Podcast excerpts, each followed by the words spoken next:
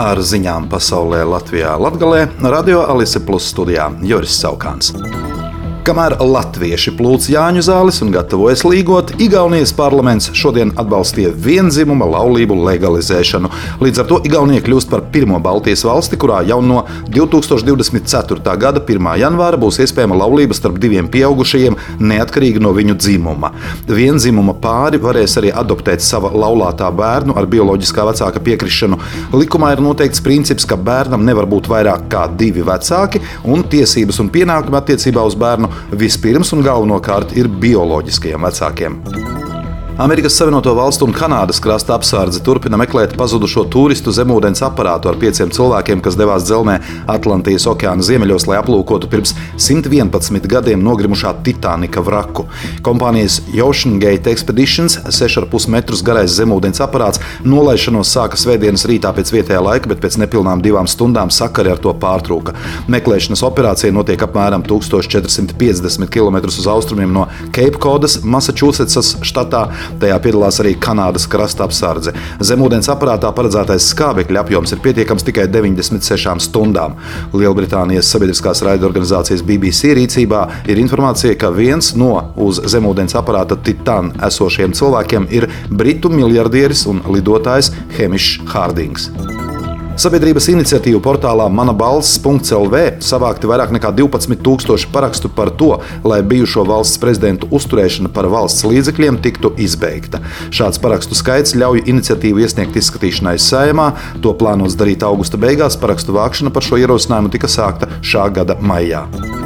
Līgodienā, 23. jūnijā, lielākā daļa vilcienu kursēs pēc brīvdienu grafika, bet 22. jūnijā pēc piekdienu grafika, kad tiek norīkots vairāk vilcienu un palielināts vagonu skaits izbraukšanai no Rīgas uz reģioniem, informē akciju sabiedrība pasažieru vilciens. Jāņu brīvdienās 23. jūnijā un 24. jūnijā būs izmaiņas arī gandrīz 500 reģionālo autobusu maršrutos visā Latvijā. Lielākā daļa no reisiem, ko nodrošinās 14 pārvadātāji, kursēs atbilstoši brīvdienu brīvdienu grafikam. Tādēļ pasažieri tiek aicināti pirms braucieniem ar reģionāliem autobusiem pārbaudīt aktuālos kustības grafikus eh, portālā www.atd.lv vai portālā 1188.lv. Latvijas Lielo pilsētu asociācijas izpildirektors Normons Audzišs intervijā medijiem pauda, ka lielo pilsētu gatavība apvienoties ar blakus esošiem novadiem atšķiras, taču vienots ir uzskats, ka tam ir jānotiek bez spiediena no malas.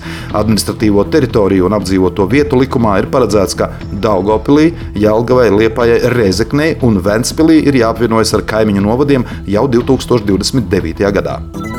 Šonadēļ akciju sabiedrība Daugopils satiksme sākusi sešu jauno elektroautobusu pieņemšanu. Autobusi jau pavisam drīz sāks kursēt pa pilsētas ielām. Iesākumā testa režīmā tiks veikta elektroautobusu un uzlādes iekārtu testēšana, aprīkošana ar papildu iekārtām un šoferu apmācība, un tad pakāpeniski pilsētas maršrutos tiks palaisti visi seši elektroautobusi. Daugopils satiksme ir noslēgusi vēl četrus līgumus par kopumā 22 jaunu dažādas ietilpības busu iegādi. Tie tiks piegādāti pakāpeniski šā gada ietvaros ietvaros. Līdz ar to Daugopils pilsētas autoparks kļūs par vienu no modernākajiem valstī. Jauno autobusu iegāde tiek īstenota divu kohēzijas fonda projektu ietvaros. Daugopilī neredzīgo biedrības ciemā izveidotajā Latvijā pirmajā sajūtu dārzā iecerēts jauns vides objekts. Pilsētas attīstības un vides komisija atbalstīja neredzīgo biedrības ciema padomas iesniegumu ar lūgumu atļaut ierīkot jaunu vides objektu sajūtu dārzā Čiekur ielā 3. Runa ir par betona skulptūru, neredzīgu sievieti, kas sēž uz soliņa ar suni pavadoni. Skices autore Olga Mole līdzekļus skulptūrai un tās uzstādīšanai biedrības iedzīvotāji savāca paši. Tagad jaunais vides objekts jāsaskaņo ar vides aizsardzības un reģionālās attīstības ministriju. Ar ziņām studijā bija Juris Saukāns. Ziņu izlaidums to projekta Ziņas bez robežām pasaulē Latvijā Latvijā ietvaros, to finansē Mediju atbalsta fonds.